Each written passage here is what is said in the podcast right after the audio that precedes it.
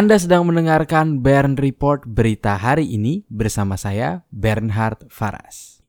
Berita teknologi. Berita pertama, Gojek disebut jadi pemegang saham minoritas taksi Bluebird. Gojek dikabarkan telah menanam modal sebesar 30 juta dolar Amerika Serikat atau sekitar 274 miliar rupiah kepada perusahaan transportasi taksi Bluebird Group. Dalam artian, Gojek menguasai 4,3 persen saham Bluebird. Kesepakatan antara kedua perusahaan ditetapkan pada awal bulan Februari 2020. Berita kedua, Nadim diminta ajak dompet digital lain menyusul GoPay agar bisa digunakan untuk bayar SPP. Pengamat teknologi informasi dan komunikasi dari ICT Institute, Heru Sutadi, menganggap pembayaran SPP lewat GoPay berpotensi konflik kepentingan, mengingat Menteri Pendidikan dan Kebudayaan Nadiem Makarim adalah pendiri Gojek.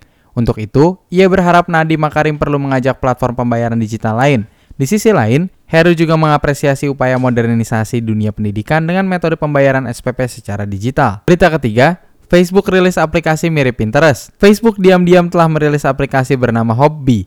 Aplikasi ini difungsikan untuk mengasah kreativitas penggunanya seperti dalam hal memasak, kerajinan tangan, dan lainnya, selayaknya yang disajikan oleh Pinterest. Saat mengakses aplikasi Hobby, pengguna disajikan dengan tampilan gambar maupun video sesuai dengan kategori.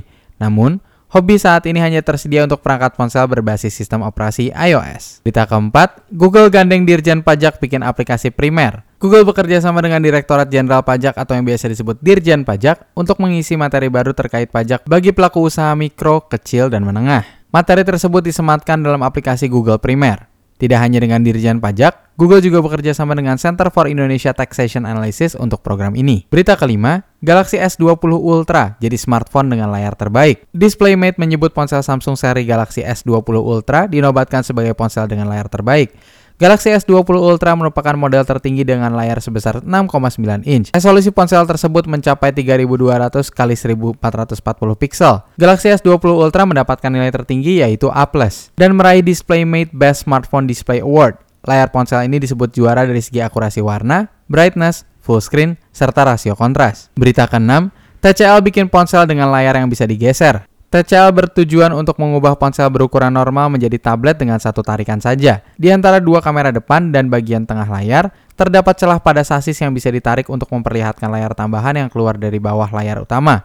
Cara kerjanya mirip dengan meja makan yang bisa ditarik sisinya untuk ditambahkan ekstensi. Belum diketahui tipe ponsel apa yang dikeluarkan oleh TCL karena masih dalam berbentuk prototype. Untuk teks dan sumber berita selengkapnya dapat Anda lihat di website www.bernhardfaras.com. Terima kasih sudah mendengarkan Bern Report berita hari ini. Jangan lupa untuk membagikan kanal ini kepada kerabat Anda, tekan tombol like dan subscribe untuk mendapatkan kabar terkini setiap pagi dari hari Senin hingga hari Jumat pada pukul 6.30 waktu Indonesia Barat. Saya Bernhard Faras pamit undur diri, semangat selalu dalam menjalani hari ini.